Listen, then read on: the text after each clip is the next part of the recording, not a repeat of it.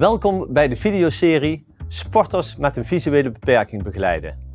In deze videoserie laten we zien hoe je iemand met een visuele beperking zo optimaal mogelijk kunt laten deelnemen tijdens het sporten.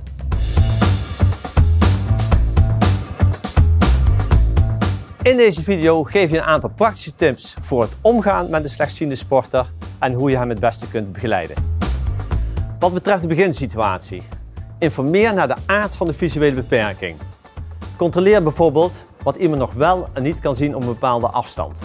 Kijk ook welke visuele functies zijn aangedaan. Is het alleen de gezichtsscherpte?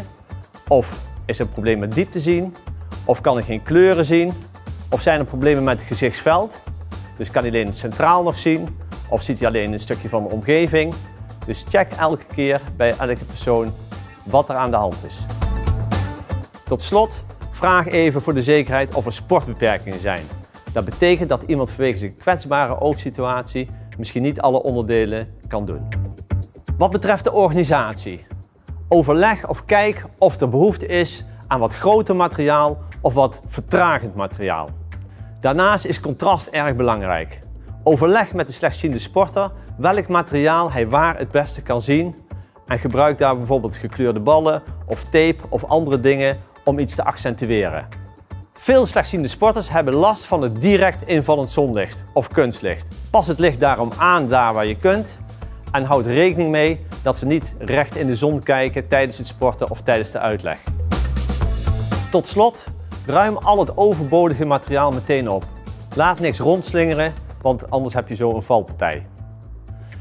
Tijdens het coachen, begeleiden en differentiëren is het goed om een paar afspraken te maken. Dat betekent dat de andere sporters op de hoogte moeten zijn van de aard van de visuele beperkingen en de consequenties die daarmee gepaard gaan. Spreek een signaal af om de activiteit onmiddellijk te kunnen stoppen. Dit kan een fluitsignaal zijn of het woord stop, als het maar duidelijk is. Vraag of het nodig is om verandering van ondergrond aan te geven. Dus als je van tegels naar gras gaat of dat het hobbelig wordt. Dus coach iemand dan direct en met korte commando's, zodat hij weet wat er gaat komen. Laat de sporter alles wat relevant is van dichtbij bekijken en controleer of alles duidelijk is. Pas daar waar nodig de spelregels aan. Niet voor iedereen hoeven dezelfde spelregels te gelden, zodat het machtsverschil en het niveauverschil wat kleiner wordt. Tot slot, evalueer regelmatig met de sporter wat zijn sportbeleving is en waar hij misschien nog beter ondersteund kan worden.